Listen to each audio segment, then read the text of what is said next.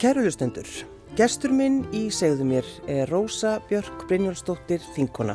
Velkomin í þáttin. Takk. Hefur alltaf staðið með sjálfur þér? Eh, ekki alltaf, en alltaf reynda, mm. held ég. Já, ég held það. Er þetta eitthvað sem maður uh, lærir? Verður maður að, að vera alveg svona upp? Já, ég held að hluta til sé að uppeldi og uh, hérna og svo er það líka eitthvað sem maður lærir bara í gegnum lífið mm. að þurfa svolítið að standa með sjálfu sér en ég held að það að standa með sjálfu sér krefist líka svolítið mikillar sjálfsvinnu og hérna það er ekki döðveld sko nei, nei. En ert alveg, svona, sko, ert alveg meðvitið um þetta? Er þetta eitthvað sem þú leggur miklu áherslu á? Já, ég hef verið svolítið meðvitið um, um þetta sko, undarfaran ár, mm. já, ég hef gert það já og oft líka þegar maður sko hérna ákveður svona tekur svona svolítið með þetta ákveðinu og þurfa að standa með sjálfum sér að þá er það ofta því að maður hefur kannski reykið sér á það að hafa ekki gert það já. og hafa lendi kannski ógöngum svona bara að því að maður stóð ekki með sjálfum sér já, já.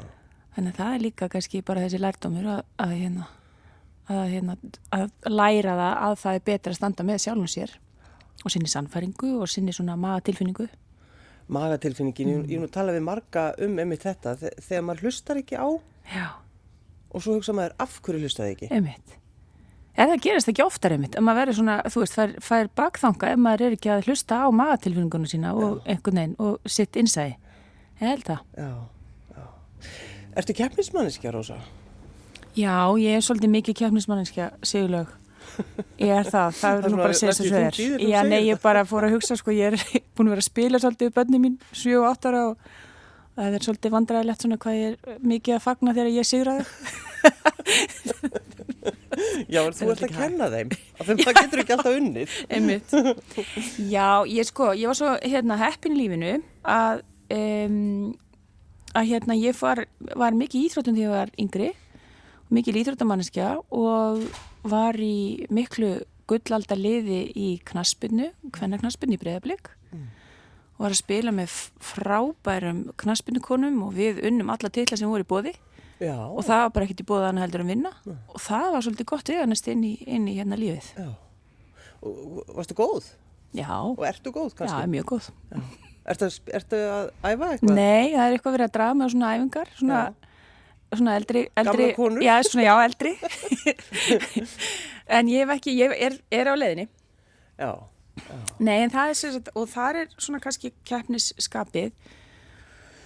Og svo var ég líka handbólta á frjálsum og svona, þannig að var hafa, þetta, er, þetta er gott veganest inn í lífið að vera með svolítið slatt á keppnisskapi. Ég held það, það má ekki fara hérna, maður má ekki, ekki byrja mann ofliði Nei, það, en það er ofta þessi lína sko. Það getur komið manni bara í, í vandræði Já, stundum, já, að vera, sko, ef maður er að láta kappið mm. hérna sigra. En ég held að það sé gott fyrir okkur öll. Það hafa svolítið að kefniskapi og, hérna, og metnað, en auðvitað bara einan ákveðin sama. Sér þetta í börnunum þínum, kefniskapið? Nei, mismikið. Það er yngsta stúlkan á heimilinu, hún er mikil kefniskona. Meðan hinn eru kannski aðeins lagari. Já. Hvað eru, hvað eru mörg börn heimi á ykkur, Rósa? Það, það eru þrjú börn. Já. E, sjö og átt ára, nýjórðin og svo einn sem er nýjórðin, 17 ára. Já. Þannig að það er fjör á okkar heimili. En sko, sko sjö og átta, þetta er náttúrulega bara eitthvað ruggl, sko. hvað er, 11, eins og þú segir, er 11 og hálfur? 11 og hálfur. á milli? Á milli. Já, sko, þegar við ég hef kannski sagt það einhver, einhver staðar á þér en þegar við Kristján Gæði vorum sagt, áttum hún á, á Snæfríði sem kom þannig 11,5 mánuði eftir bróðu sínum að við vorum svolítið mikið að leita fyrirmyndum og leita hvort það væri einhverju fleiri þessu, í þessu bakka og við eiginlega fundum ekki neitt Nei. en hérna það var svona fólk sem var svona færtugt sem, sem átti sískinni sem var kannski ára milli já, já, já. þannig að þetta er svolítið svona liðin tíð en, en við ákvæmum að endurviki þessa hefð. Já, mjög vinsæl. En eh, sko, þegar þú uppgötaði það, Rósa, þú ættir vona á batni, þarna, mm. svona stutt eftir, eftir drengin, sko, hvernig leiði þér? Þetta var svona smá, smá pingus sjokk, sko, en, en svo bara, einmitt, tók kefniskapi og þetta verður bara græðið þetta. Já, þetta verður ekkert mál. Ekkert mál.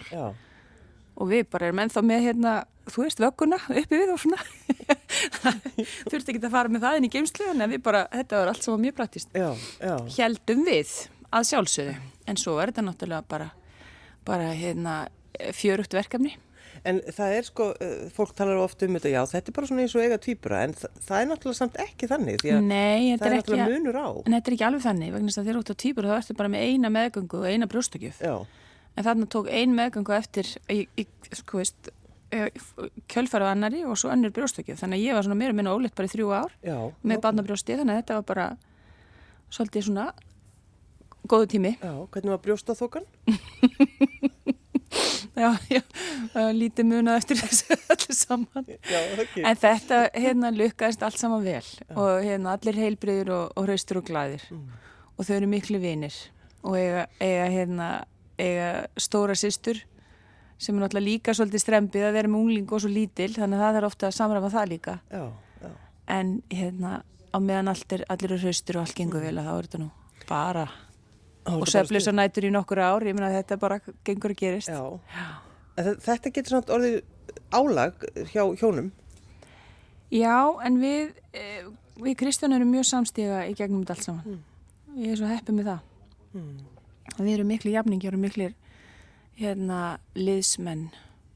Við náttúrulega erum ekki alveg í lægi, sko. Við fyrirum að sofa og tölum einhverja fjárlög og fjármálagallinir og, og svona Rosa Já, rosa róma, sko Við erum svolítið pólitist par, sko Já, akkurat Hvar, hvar hittur hann? Við erum e, gamli vinir frá því í Kópói og e, síðan vorum við saman í MR og það eru tvö ára mill okkar og svo fórum við sikkur að leiðina í, í hérna, nokkuð mörg ár og, og svo vorum við hérna að vinna bæði fyrir ríkistjórnin A 2009-13 og það kveikti ástareld svo ríkistjórn Já, er það? Já, já, já, já. eða nei, ekki svo ríkistjórn Nei, nei, nei, jú, takk ríkistjórn En sko, en, en Rósa, þegar maður er búin að, þú veist, þú er búin að þekkja hann lengi. Þegar þú fattar allt í hennu að þú ert sko ástóngin á hennum Já, það, það hérna það var bara undislega tilfinning. Við eins og ég segja það líka við erum svo miklu jafningjar og það er mikið jafnræði á okkar heimili. Já, svo er þið lík. Já, svo bara erum við svolítið líki í þessu alls saman. Já, nei sko í útliti. Já. Já. Þannig að við bara, við pöstum eins og flýsfyrars bara saman. Já. og það er, það er bara frábært. En varstu, varstu eitthvað að leitað ástunni þarna? Nei, nei, nei, nei alls ekki ég bara, hérna, ekkit, ekkit að þeim byggsum, kemur það ekki mitt oft þegar maður er ekki að leita, Jú. það er oft þannig mm. Varstu þá komin frá Fraklandi? Já, þá er ég komin frá Fraklandi já, já. búin að vera þar Þannig að þetta var bara þetta er svona leggslífið bara áfram já. en svo taka líka óvandir óvandir hlutir og gerist eitthvað sem maður kannski ekki alveg laði upp með Nei En uh, það var nú einmitt oft sko uh, Rósa verið talað um það því þið eruð í eða voruð í sittkorum flokknum. Mm. og þá bara, þá, þá fólk talar um ég að þetta, þetta náttúrulega gengur ekki. Þetta er ekki hægt. En sko hvernig, hvernig, hvernig gekk það? Það gekk bara fínt. Það, allt, það var, það var allir allt í góðu. En hérna við erum á sömu brautum sko, svona politíst og þú var síðan okkar síðan smá svona núansar sem eru aðeins öðruvísi. Já, já Ég kannski hérna, uppliði meiri rótækni í mín meginn heldur en hjá honum. En það er líka bara gott, hann er gott að að heyra þálið hjá mér og ég hef líka gott að heyra hinnarliðin í honum. Mm. En sko, vildur þú fara á þing? Um, já, ég vildi, sko, ég hef alltaf tíð haft mikið áhuga á stjórnmálum mm. og það ólst mikið upp í það að það væri svona mikil stjórnmálalega meðvitund bæði á mínu heimili og líka hjá svona stórfjölskyldunni sko í kringum kringum mig. Mm. og mikið á ömmu minni og hún hefði mjög sterkar og mikla skoðanir á stjórnmálum. Og ég held að það hefði svona einna síðast hressilega einn sko. Já. en að fara á þing það var kannski ekki delendil einhver esku draumur en eitt svoleis en það er svona kannski bara ægslæðist þannig þegar ég fór að, að fór að skipta mér af uh, stjórnmálum þá bara láð það séðan við. Já En að því sögðu þá náttúrulega er hægt að hafa áhuga á pólitík og stjórnmálum með að taka þátt sko í svona hafa áhrif með öðrum hætti heldur en bara beintaður og þingi að kannski er svolítið lenska á Íslandi að, að hérna, við þurfum alltaf að vera á þingi sko til þess að hafa áhrif á með það er hægt að hafa mikil áhrif utan þings líka. Já, já. Við ekki tala þessum hugur ekki. Jú, gerum það. Já. Uh, maður hugsa svolítið um það núna hjá þér, Rósað, að sko hugrekkið skiptir máli. Já, ég held að skiptir svolítið miklu máli. Ég held líka að það þurfi hérna að hafa hugrekki eiginlega sko í hvaða starfi sem að tekur að hendur sko. Mm.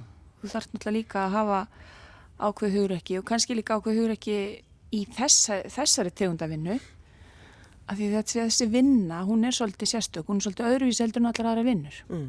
Að vera þingmaður og þinguna mm.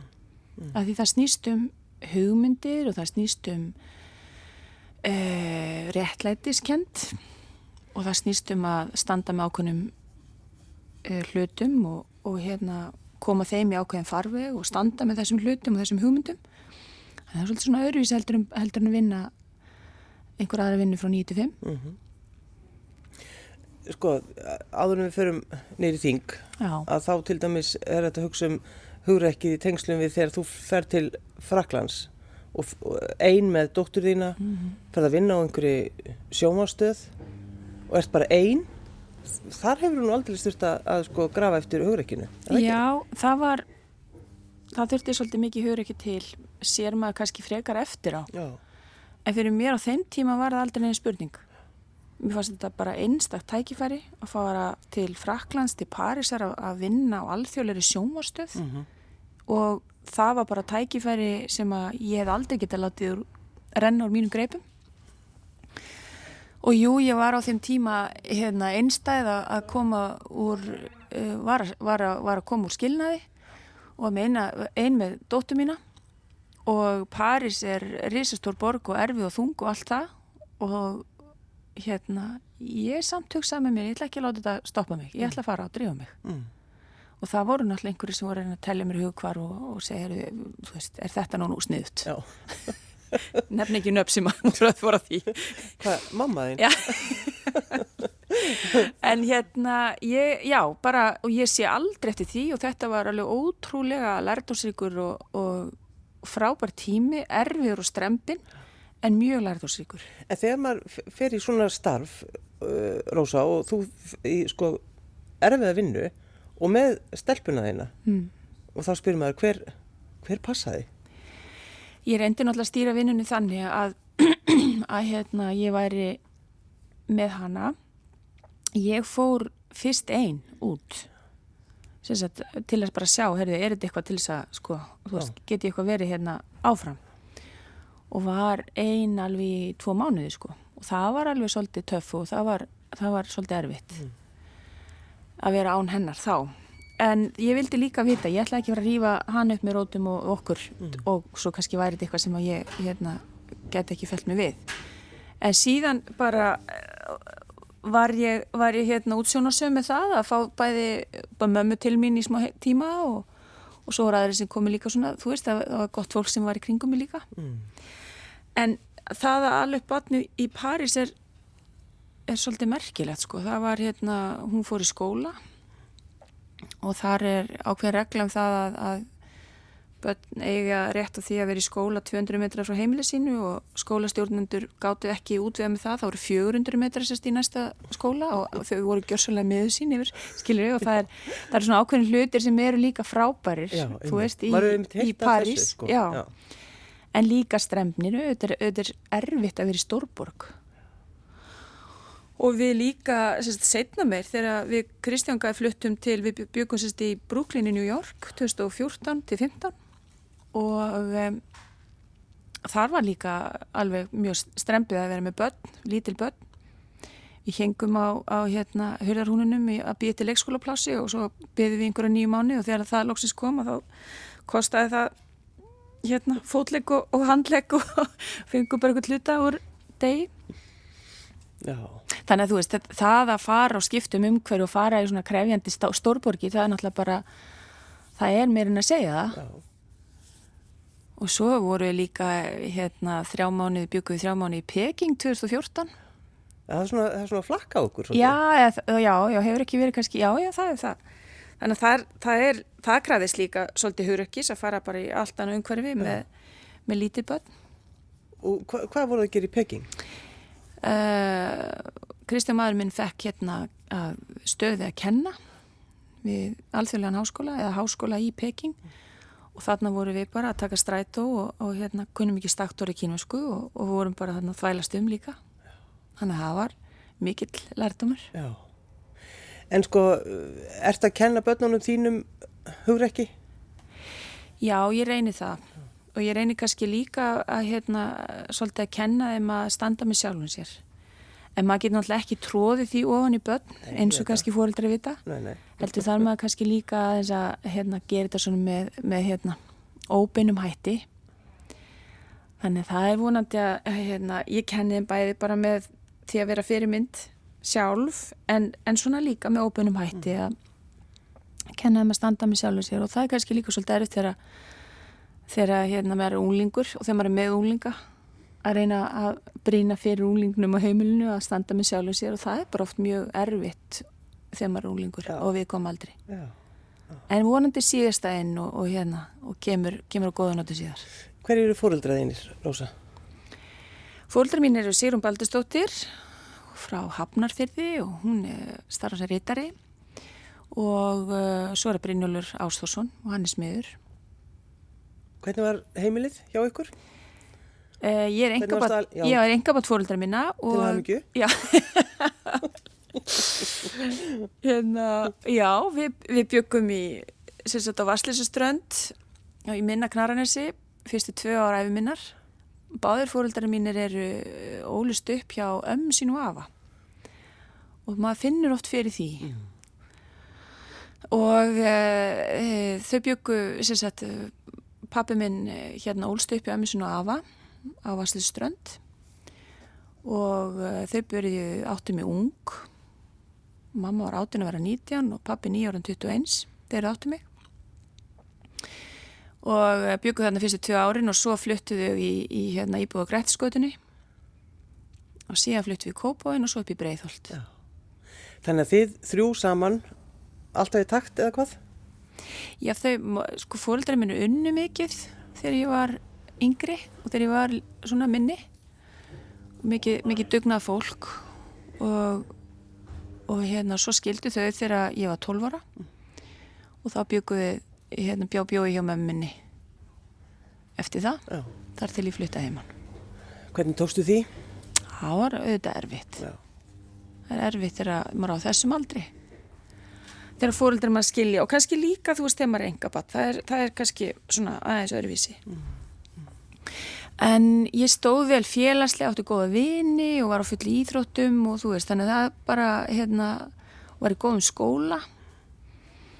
Og svo svo margt sem maður sér þegar maður er á fullorðin og horfður tilbaka, þá, þá horfður maður oft, sko, hugsa maður með sig hvernig umhverfi mótaði mann og hvað maður heppi með umhverfi og vini og, og skóla. Það skiptir svo miklu máli. Skiptir svo miklu máli og ég var í frábæru skóla sem að hétt þá Hjallaskóli sem var nýrskóli og fóreldrar mínir við byggum sér sett saman í Kóboi á Alforsveiði þar til ég var 7 ára. Mm. og þá tilkynntu mamma og pappi mér það að þau ætlaði að flytja upp í Breiðholt í Selikvarfi og þá stappaði ég niður fæti ef ekki báðum og sagði já nei, hinga ekki lengra og nú ætlum ég bara að vera áfram hér í, í, í skóla í Kóboi og þau náttúrulega hérna let undan því.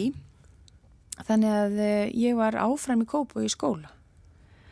Og eh, lappaði mér þessar stundum á milli. Hvað segir þú? Já, já, það var ekkert verið að skuttla krökkun eitt út og söður. Nei, nei, nei, það var, það var bara það fyrra, var, sko. Þannig að það hefur ekki verið eins og, og metratnir í, í París, sko. Nei, nákvæmlega. En þá, sko, ég var einmitt að hitta, hérna, hitti e, gamla skólastjóra minn, Steli Guðmundsdóttur. Ég hitti hana í sumar, hún hefur verið að reyka ferðarþjónust í Heidal og við vorum þarferð í sumar og ég hitti hanna og sömulegis líka kennara minn sem að kendi mér á sama tíma þegar hún var sem sagt þarna líka Sigriður Rapsdóttir og það er alveg, það er eitthvað svo frábært þegar maður hitti kennarana sína þegar maður er á fullorðin og þetta er náttúrulega ekki fyrsta skipti kannski sem ég hitti Stellu en þá sér maður líka hversu mikið hérna, hversu heppi maður var að vera hérna í skóla sem var hugssjónafólk mm. og Östubar Kópavóks á þessum tíma e, var mjög skuli segja maður mjög fjölbreytilegur og blandar og þarna voru einbílishús og rathús og svo voru engi hjallinn og, og þarna kom fólk úr alls konar áttum og e, úr alls konar stjættum en allt hérna lukkaðist þetta nú vel og, en, en það voru alls konar hérna, áskoranir. Og það var svo fallegt þegar ég var að spurja Stellu að því í suma hvort þetta hefði ekki verið svolítið erfitt að, að byrja með nýjan skóla í þessar svona, svona krefjandi aðstæður og aldrei nefndu náttúrulega krefjandi þetta var bara skemmtilegt verkefni Já. Já. Þannig að kennarar og, og umhverfi sem maður er í, auðvitað mótar þetta mann og, hérna, og ég var svo bara einstaklega heppin að alast þarna upp Já. og verið þessu umhverfi. En þetta er nú sko, þú, þú lýsir þér svolítið eins og þetta þegar þú sko stappa niður mm -hmm. fæti. Þannig að þú átt það til, já, Rósa. Já, já, það til. En rekst alveg vel í hópi, ég vil alveg, vil alveg halda þetta til að haga. Nei, þetta verður það sem að, sem mun sitja eftir í þessu viðtali, það er það að þú stappa niður fæti. en vonandi líka bara réttum tíma og réttum fórsendum. Já, já. Vonandi er það líka það. En þarna þegar þú ert sko, þú ert sjö ára gömul og þú finnur það að þú vilt ekki fara úr þessum skóla. Nei, ég vildi ekki fara úr þessu skóla en svo á sama tíma eignaðist ég sko eina af mínu bestu vinkonum upp í bregðaldi. Já. Þannig að það var líka, þá fekk ég svona besta á báðu sko. Já, já, já. En ég minna auðvitað voru líka fólkdari mínir hérna, að láta þetta eftir mér auðvitað, þannig að þau bara letuða með enga barniðinu þetta eftir. Ef ekki að leifinu fara að ráða þessu. Já, já, já. Vistu, já, já. Þegar þú lappaðir úr bregðaldinu í Kópaðu, hvað varstu lengi? Ég var, hérna, held ég að verið nú svolítið svona lengi þarna milli að ég stoppaði yfirlega og var að segja sögur og tala við sjálf á mig og svona mm. og búið til útastætti og, og hérna. Það var eins og börn gera? Já, ég mislega sem gekk á hérna á leðinni Þannig að þetta var svona smá spölur. Já, já. Þetta sko, við myndum aldrei láta börnum okkur í dag. Þú, Myndir þú senda þín? Nei, ekki á milli bæði bara láta þau lappa Ég held ég myndi ekki gera það.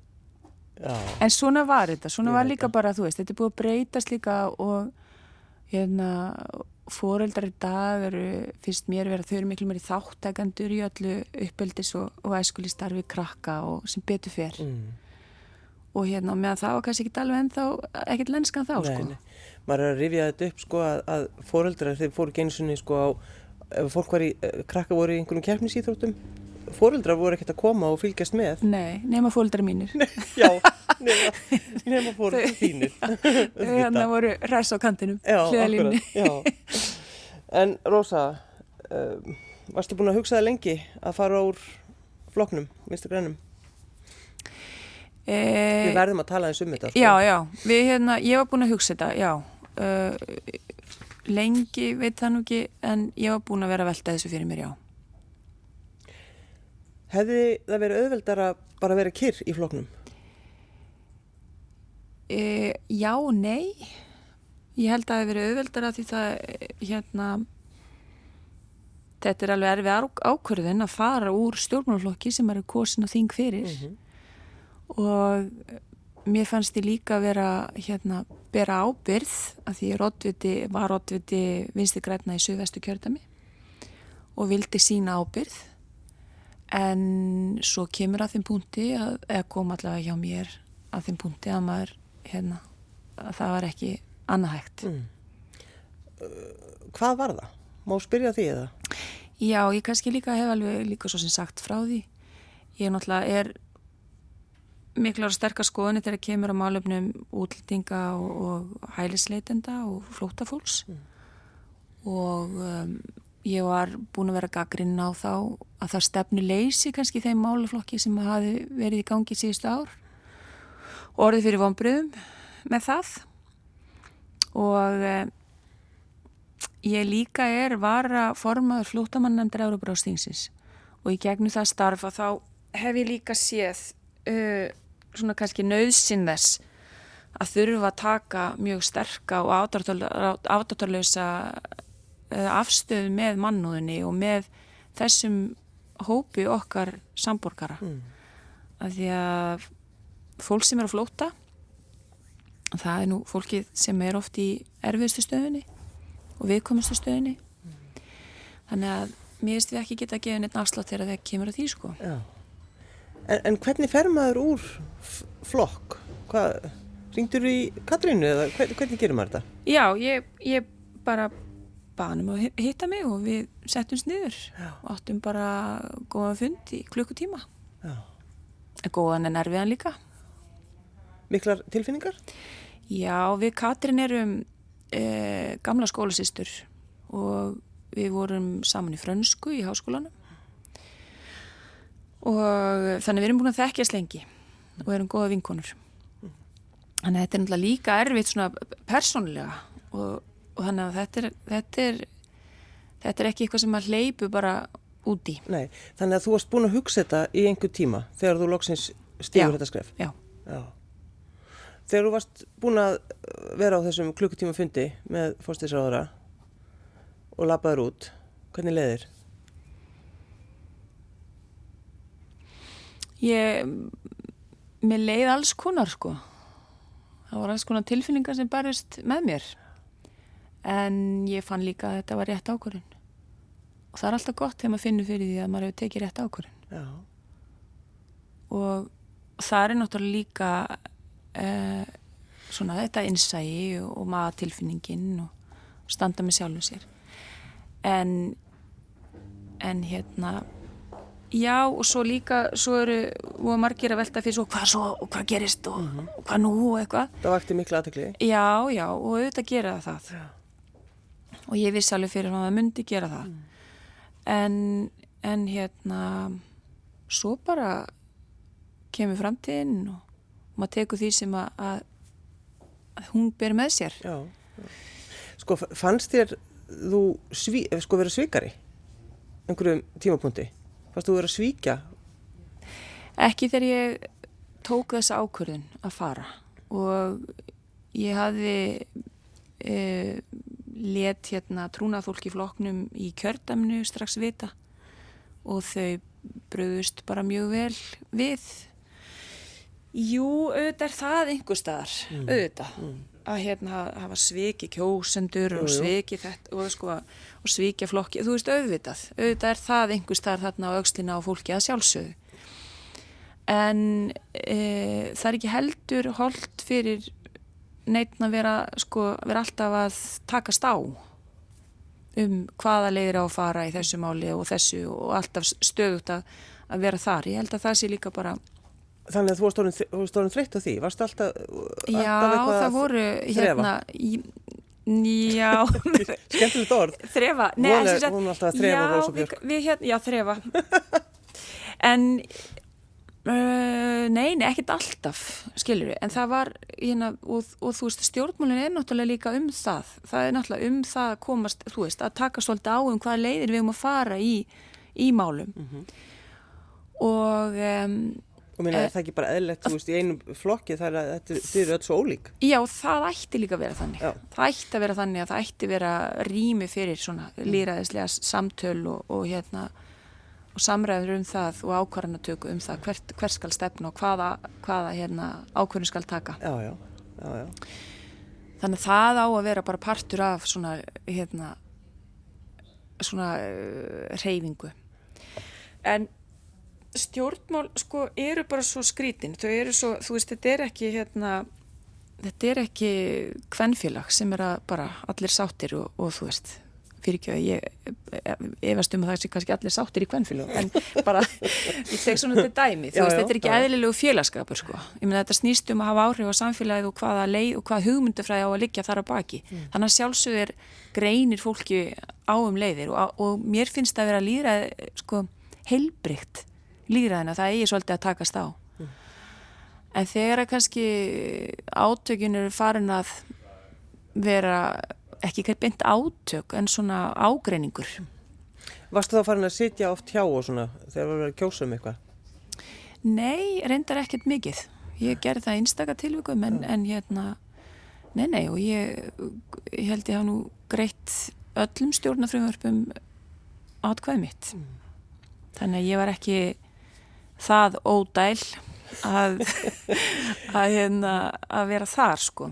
En þegar þú, Rósa Björk Brynjarsdóttir, fer svo bara í vinnuna eftir þetta, Já, uh, þá ertu semst, eins og við sögðum áðan, bara þínkona. mhm. Uh, sko, f- ferði í sætið þitt, þurftur að fá annað sæti eða hvernig er þetta? Já, sko við draugur reyndar alltaf um sæti. Já, þannig þú, þú kastings. ennþá bara í þínu, Já, þínu, já, já.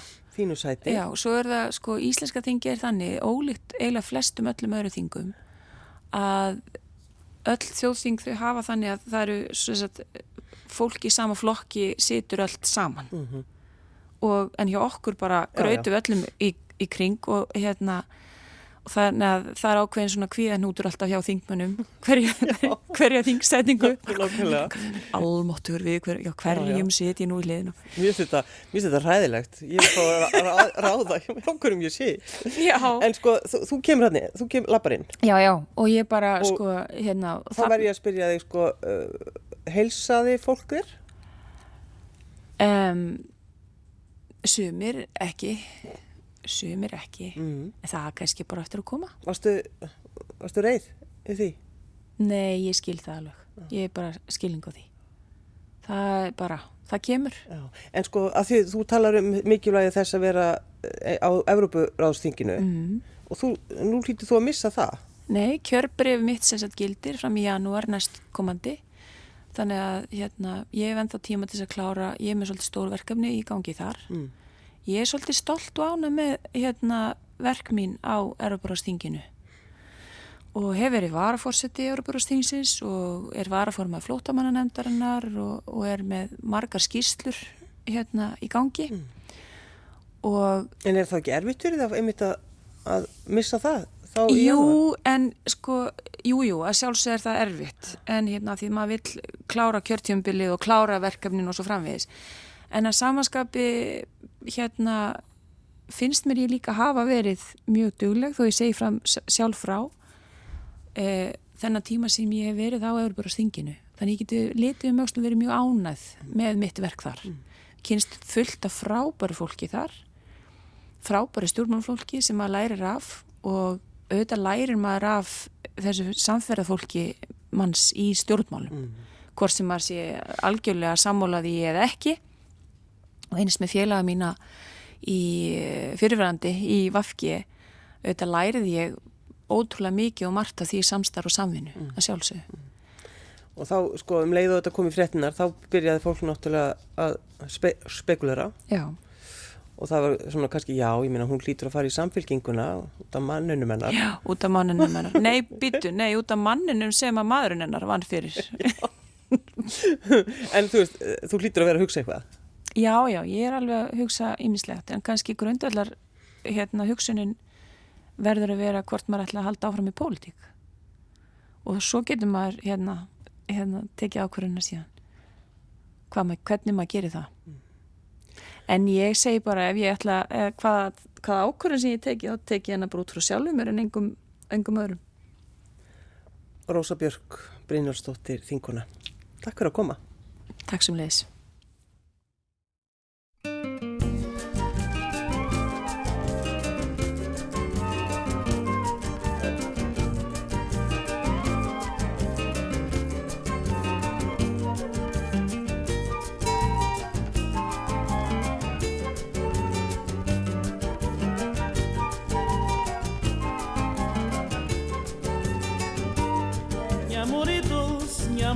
certo Minha amor tá longe, minha amor tá perto Ele tá na minha, nunca tá sozinho nesse mundo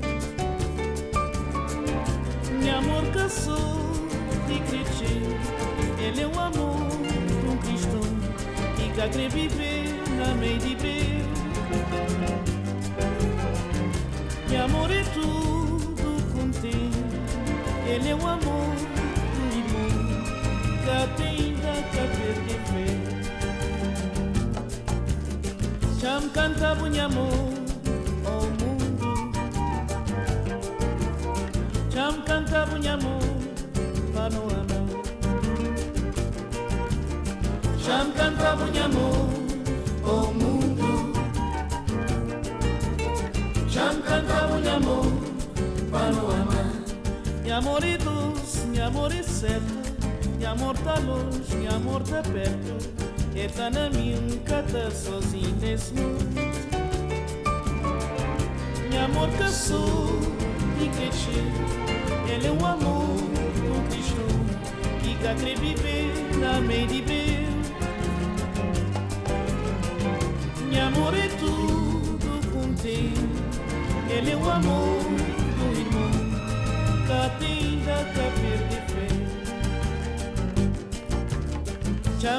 munyamu oh omundu chamkanta bunyamu pano wana. Chamkanta bunyamu omundu oh chamkanta bunyamu pano wana.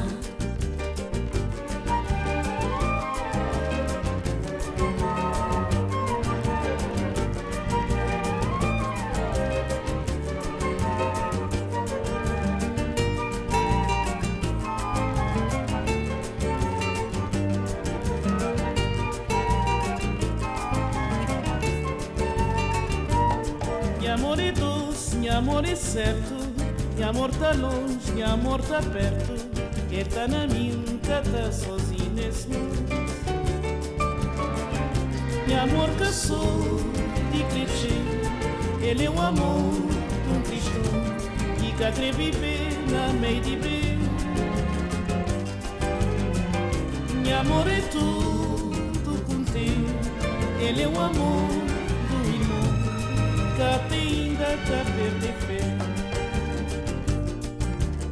já me canta bunhamu, oh mundo. Já canta o amar. Já me canta bunhamu, oh mundo. Já canta o amar, para o amar, para o o amar, para o amar, para o amar, para o.